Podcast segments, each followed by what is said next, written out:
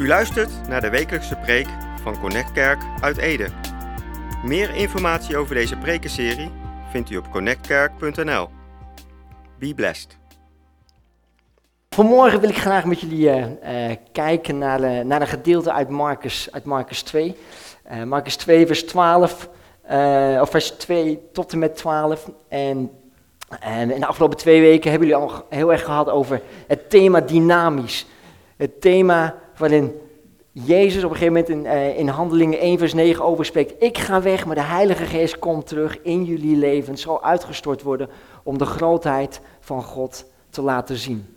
Dag in, dag uit. Maar ik wil met jullie kijken naar wat, wat leert Jezus ons eigenlijk. En hoe kunnen we wat leren vanuit het verhaal van Marcus 2. En uh, je komt het, het, het Bijbelgedeelte ook tegen in, uh, in Lucas 5. En het verhaal van Marcus 2 gaat over de vier vrienden en één verlamde man die ze naar Jezus toe brengen, dak openbreken en ze laten hem zakken en uiteindelijk is de man genezen. Dat is de, de korte versie van het verhaal. En ik heb niet een specifiek een, uh, een favoriet uh, evangelie, maar het evangelie en, uh, wat door Marcus geschreven is, ik, ik, ik hou er heel erg van. Je, Marcus is de eerste die een evangelie heeft geschreven van, van de vier. En, uh, en het lijkt erop dat Mar Marcus op een of andere manier gedacht heeft, weet je, uh, laten we zo snel mogelijk gewoon wat op, op papier zetten wat heel erg belangrijk is, wat noodzakelijk is, zodat iedereen kan weten wat Jezus gedaan heeft. Hè. Het, het, lijkt erop dat hij in, in Marcus 1, lezen we iets over Johannes de Doper, uh, daarna lezen we gelijk over, uh, over dat Jezus komt, dat Jezus gedoopt wordt, dat hij de woestijn in gaat. En daarna de discipelen, red, of de discipelen roept en daarna gelijk begint met de wonderen en tekenen. Marcus skipt het hele verhaal over, was een kribbetje, Bethlehem, eh, Jezus werd geboren, stro, voederbak en dergelijke. Lijkt wel of Marcus de uitvinder is van, uh, van Netflix met de skip intro button. Weet je, en denk, weet je, heel belangrijk, maar niet voor nu. Ik wil gelijk gaan laten zien wat Jezus aan het doen is. Wat Jezus belangrijk vindt. En, en, en een van de dingen die Marcus continu doet is, hij, ge, hij vertelt gene, over genezingen om de kracht van God te laten zien. Om de kracht te laten zien. En hij, hij, hij schrijft het ook heel snel, weet je, als je aan een van je kinderen vraagt, hoe was school vandaag? Nou ja, we hebben dit gedaan en toen deden we dit en toen deden we dat en toen deden we zus en toen deden we zo en dat was mijn dag. En zo heeft Marcus ook dat hele Bijbelboek geschreven. Je leest heel vaak het woord, weet je, terstond, in de trant van, en toen gebeurde dit en toen gebeurde dat. Dat Marcus heel duidelijk wil gaan aangeven, hier gaat het om. En um, in, uh, in, in Marcus 2 lezen we dat um, Jezus heeft net daarvoor heeft hij een Melaatse man genezen. En heeft eigenlijk tegen die Melaatse man gezegd, weet je, sst, niks over vertellen. Sst, hou het stil. Want Jezus wilde niet dat mensen op straat alleen maar gingen vertellen, oh, er is een Jezus, er is een, er is een nieuwe profeet of er is een nieuwe rabbi en die doet allemaal genezingen. Nee, Jezus wilde niet bekend staan daarom. Maar, maar weet je, die man die was genezen van melaatsheid en die kon het toch niet voor zich houden. En die begon op straat te vertellen over wat Jezus in zijn leven gedaan had. En Jezus dacht, weet je wat, ik ga weg. Hij is weggegaan uit Capernaum. Maar op een gegeven moment komt hij weer terug in Capernaum. En daar lezen we het volgende. Dat um, in Marcus 2 he, lezen we dat Jezus in een huis was. En het huis zat vol met mensen vele malen voller dan hier. Ik weet niet precies hoe groot het huis geweest is. En er staat er, en er stroomden veel mensen toe, dat zelfs de deur, geen, uh, dat, er, dat voor de deur geen plaats meer was. En hij verkondigde de helboodschap. En er werd een verlamde man bij hem gebracht, die door de vier vrienden gedragen werd. En omdat ze zich niet door de menigte konden wringen, hadden ze een stuk van het dak weggehaald boven de plaats waar Jezus zat. En toen ze een opening hadden gemaakt, lieten ze de verlamde man zakken. Kun je je voorstellen? Het verhaal gaat rond in het dorp, in de stad. Jezus is hier en hij is mensen aan het genezen. Hij geneest mensen. En iedereen komt naar dat huis toe en iedereen gaat vooraan zitten, pakt tot het hele huis vol. Niemand kan er meer bij, die zitten wachten. Wanneer komt die genezing nou aan? Wanneer gaan we wat zien? En dan komen er vier mensen met één zieke man, maar ze laten hem er niet door. Is eigenlijk een heel gek idee eigenlijk. We zijn zo excited om dat te zien. We gaan de genezing zien. Maar we laten de zieken wel even buiten, zodat we geen genezing kunnen zien. Heel tegenstrijdig eigenlijk. Maar die vier vrienden denken, oké, wat hebben we nou voor oplossing? Wat kunnen we doen? En die vier gasten die klimmen naar boven toe, breken het dak open. En ik denk op dat moment dat het geluid verstomde. Uh, oké, ze maken het open en ze laten de vier, of ze laten de man zakken. En dan komt, die, komt dat, dat, die matras komt voor Jezus. En ik weet niet of ze hem helemaal op de grond legden of een beetje vasthielden. En dan staat er daar en dan zegt Jezus, en Jezus zag hun geloof in vers 5. En bij het gezien van hun geloof zei Jezus tegen de verlamde, vriend, uw zonden zijn vergeven. Oké. Vier vrienden, vol zaal, iedereen zit te wachten op genezingen. En Jezus ziet hem naar, naar beneden komen. En het enige wat Jezus zegt is, uw zonden zijn vergeven. net als Jezus gelijk daarmee aangeeft, weet je, jij hebt een veel groter probleem dan jouw ziekte. Jij hebt vergeving nodig. Dat Jezus gelijk het verhaal aanpakt wat hij later in Johannes 3, vers 16 zegt. Ik ben de weg, de waarheid en het leven. Niemand komt tot de Vader dan door mij. Dat Jezus zegt, weet je, het gaat helemaal niet over de ziekte. Het gaat erom dat, ik, dat, we, dat je vergeven wordt, dat je op het pad kan lopen wat ik ben. Ik ben de weg naar, jouw, naar je eindbestemming en dat is dicht bij het hart van de Vader. En dat vindt Jezus vele malen belangrijker dan die genezing zien. Maar als je, als je even bedenkt, hè, die man op die matras, die wordt gezakt, eindelijk is hij daar voor Jezus volle zaal en Jezus zegt, je zonden zijn vergeven. Hey, dude, mat, benen, genezing. Ik zit niet te wachten op vergeving. Ik wil genezing. Of als je nadenkt over die vier vrienden. Schiet even op, Jezus. Het wordt best zwaar.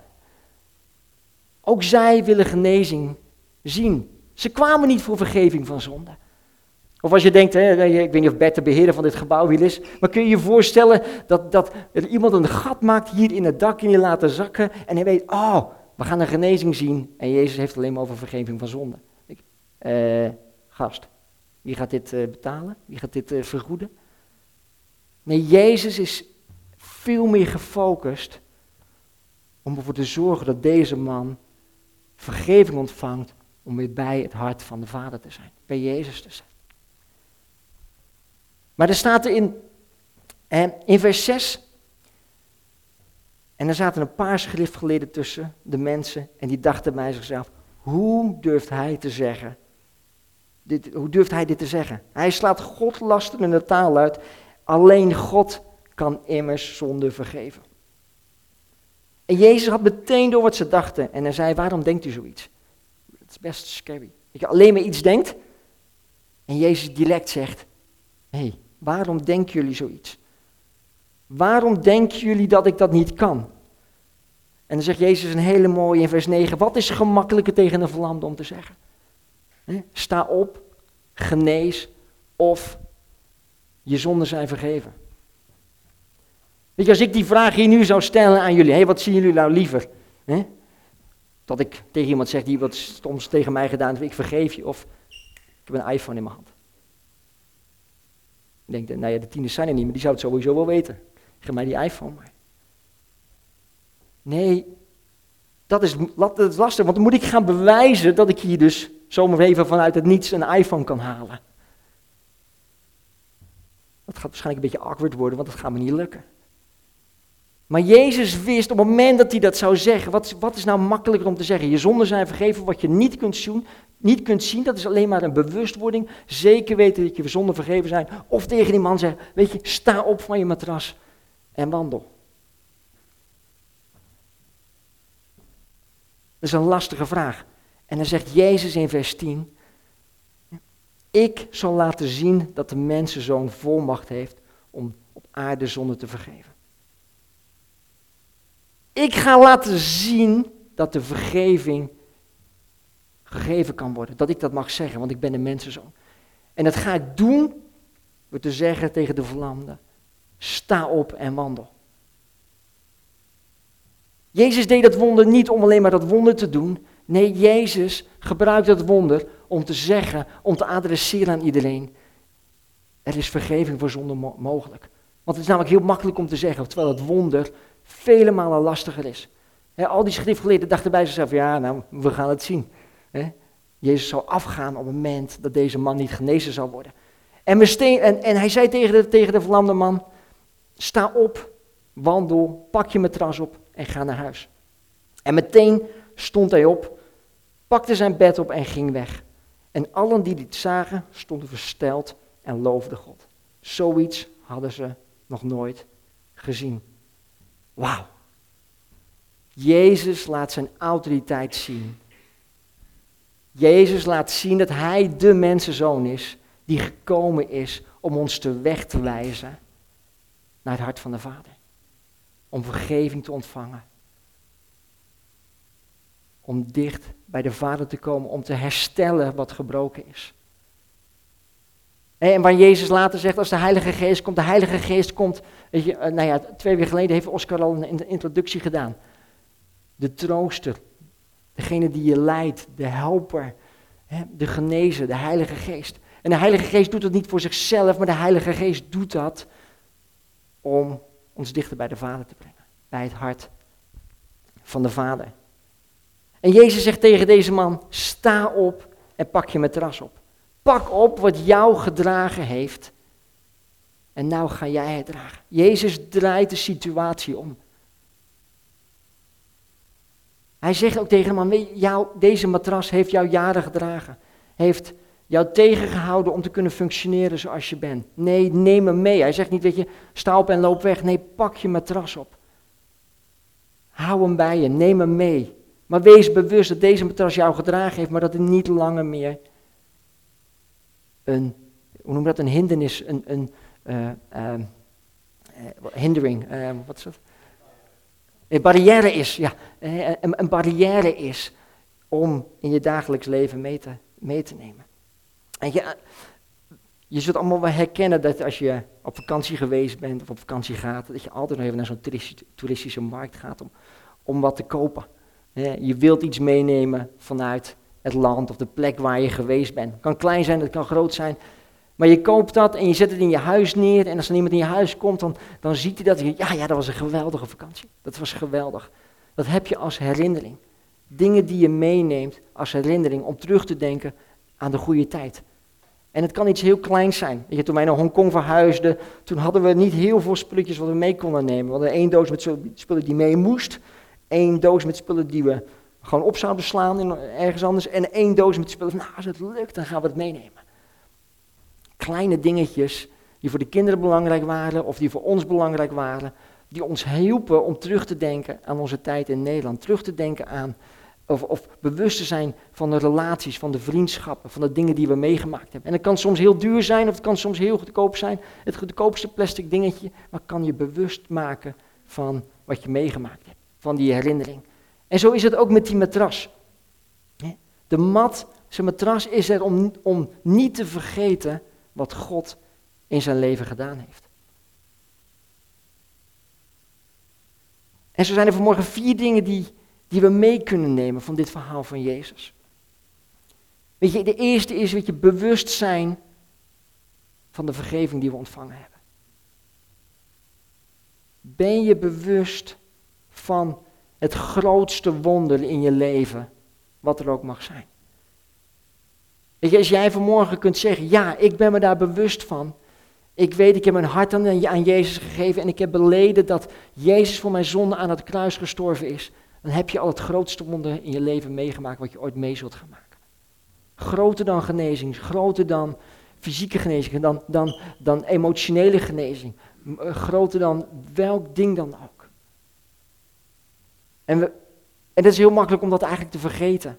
Dat we zo'n enorm groot wonder hebben meegemaakt. Dat je daar al een onderdeel van bent. Want dat is waar Jezus voor gekomen is. En Jezus genas om de grootheid en de autoriteit van vergeving te laten zien. Ben je bewust van de vergeving die je al ontvangen hebt? Maar tweede is dat je een gepassioneerde vriend mag zijn. Weet je, als je het hebt over, over de vier vrienden. Misschien wisten ze wel, misschien wisten ze niet of, of Jezus hem zou genezen. Maar ze waren zich bewust van het feit van, hé, hey, die zaal is helemaal vol, we kunnen er niet doorheen. Welke andere optie hebben wij? Wat kunnen wij doen om deze persoon voor Jezus te brengen? Voor vergeving, voor, voor, voor genezing. En ze zijn die trap opgegaan en hebben misschien wel gedacht, misschien slopen we dit hele huis en moeten we wel heel veel geld gaan betalen. Maar we gaan ervoor zorgen dat deze vriend van ons voor Jezus gaat komen. En misschien, ik weet niet hoe hoog het huis is geweest, maar misschien hebben ze geen eens kunnen horen wat Jezus zei tegen de man. Misschien hebben ze het geen eens kunnen zien, omdat ze gewoon volop met volle kracht de touwen vast moesten houden van die matras, zodat hij niet zou vallen. Maar ze moesten Jezus wel het werk laten doen. Een gepassioneerde vriend zijn betekent niet altijd gelijk dingen zullen veranderen. Soms moet je ook geduld hebben. Maar moet je er wel voor zijn voor je vriend om hem te blijven dragen. Voor je partner om te blijven dragen. Of zijn we zo nou ja, vooruitstrevend van, oh, misschien is een van die vier vrienden wel misschien het woord hoorde. Wat is er makkelijker om te zeggen, je zonden zijn vergeven, of sta op een man. Dat een van vier vrienden dacht, oh yes, het gaat gebeuren, en liet al los. En een van de vier zorgde dat het touw los was, en de verlamde man die viel er op de grond. Soms moet je gewoon geduld hebben om het werk van de Heilige Geest te laten plaatsvinden in het leven van iemand. Maar soms zijn we als gepassioneerde vrienden, denken we dat we heel veel moeten doen.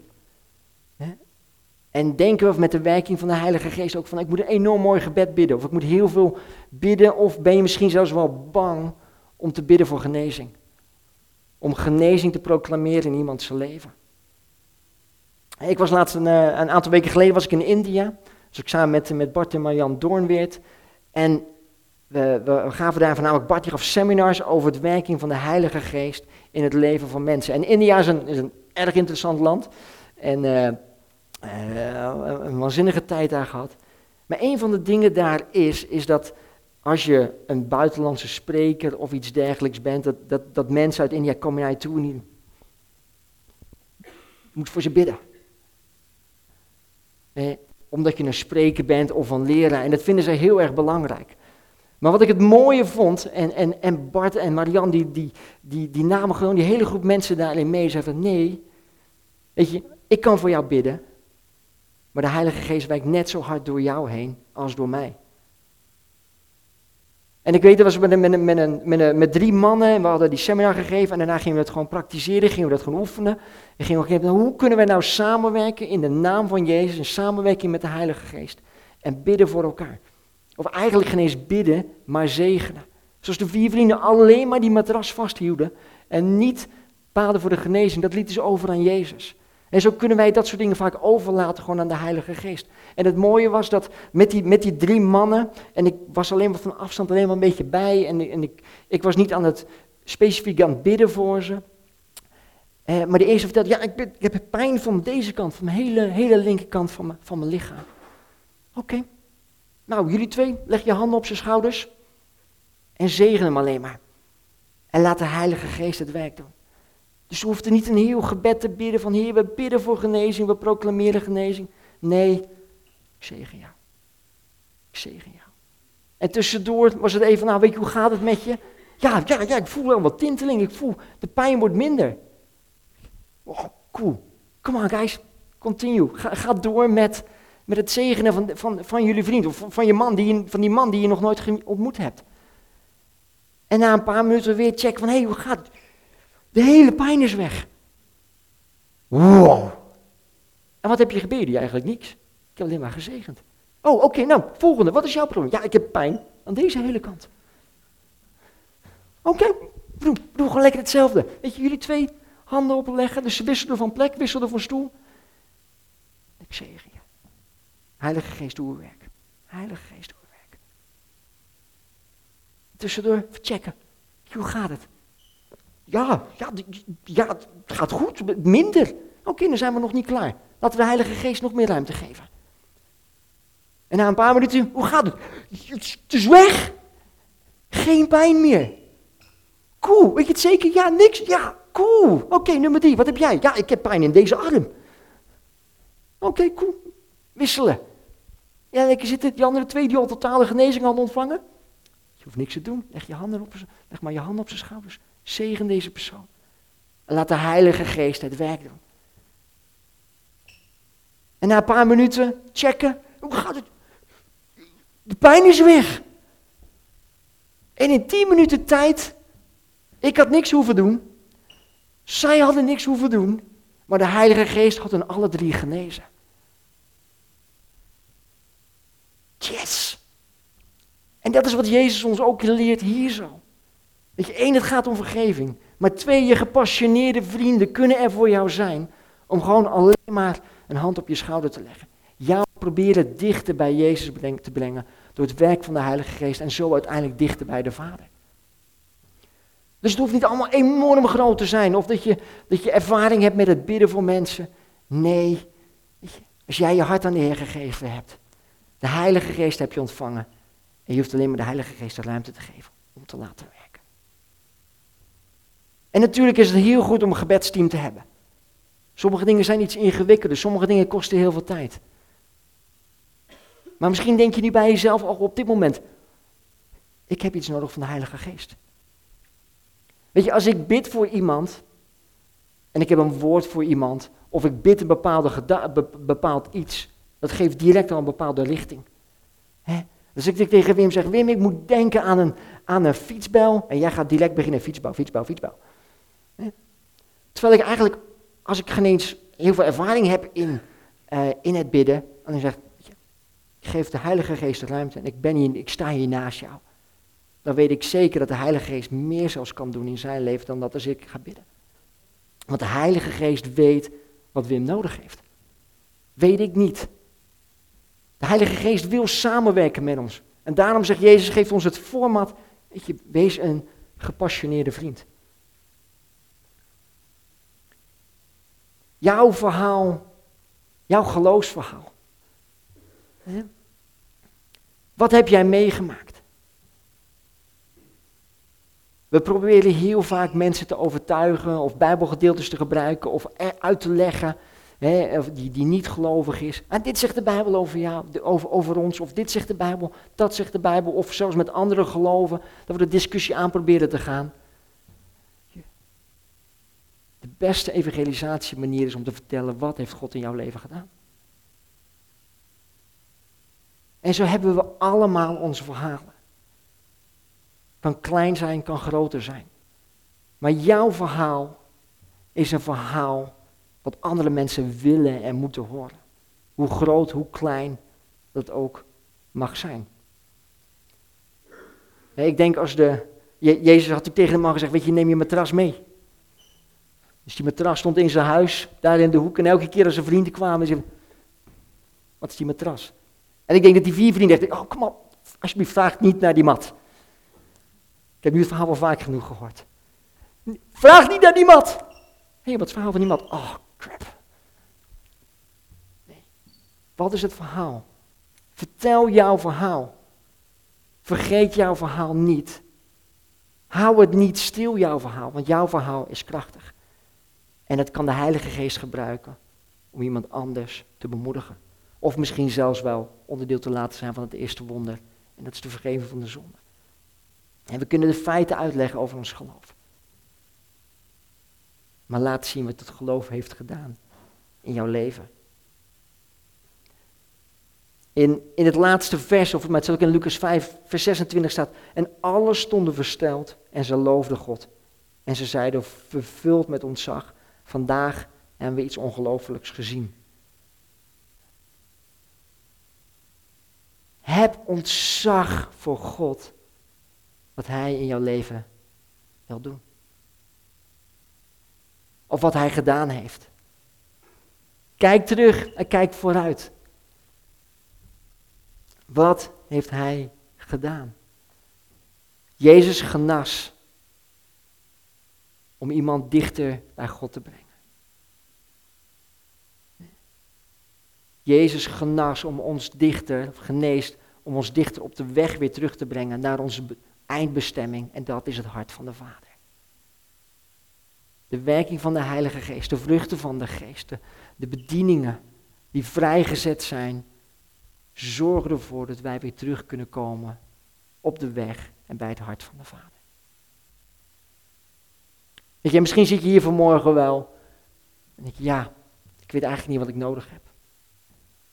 Of ik heb misschien pijn, fysieke pijn, innerlijke pijn, struggles, dingen die je moeilijk vindt, dingen waar je naar uitkijkt, teleurstellingen, mensen die je pijn hebben gedaan. Misschien wel met dingen waar jij andere mensen pijn in hebt gedaan. Wie ben je vandaag? Ben je de verlamde man die op de mat ligt en misschien wel accepteert van dit is het?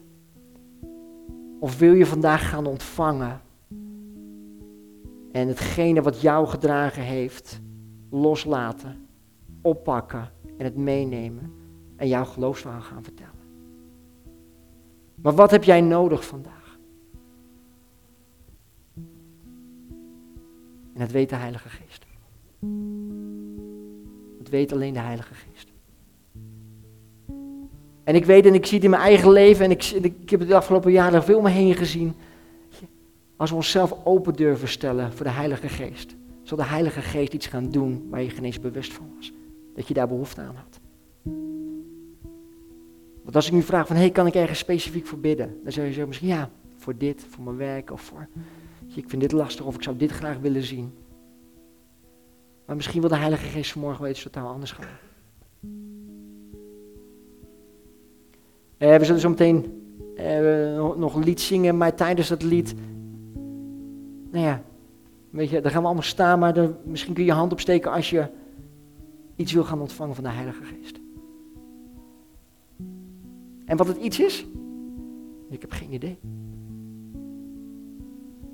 Maar naast jou zullen gepassioneerde vrienden staan die je zullen gaan zegenen. En weten die wat jij nodig hebt? Nee. De Heilige Geest weet het. Want die weet wat de Vader in jouw leven wil gaan doen vanmorgen. Maar wil je jezelf daarvoor openstellen? Dat is de eerste vraag. En misschien kunnen we gaan staan.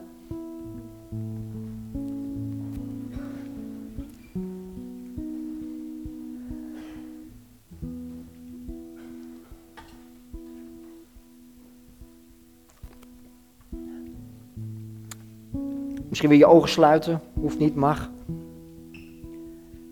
En kun je een moment voor jezelf nadenken. Zozeer wat wil ik ontvangen, maar wil ik ontvangen? Ja of nee? Bijna een soort gesloten vraag.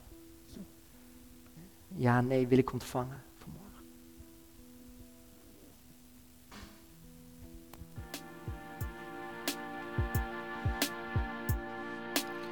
U luisterde naar de wekelijkse preek van Connect Kerk uit Ede.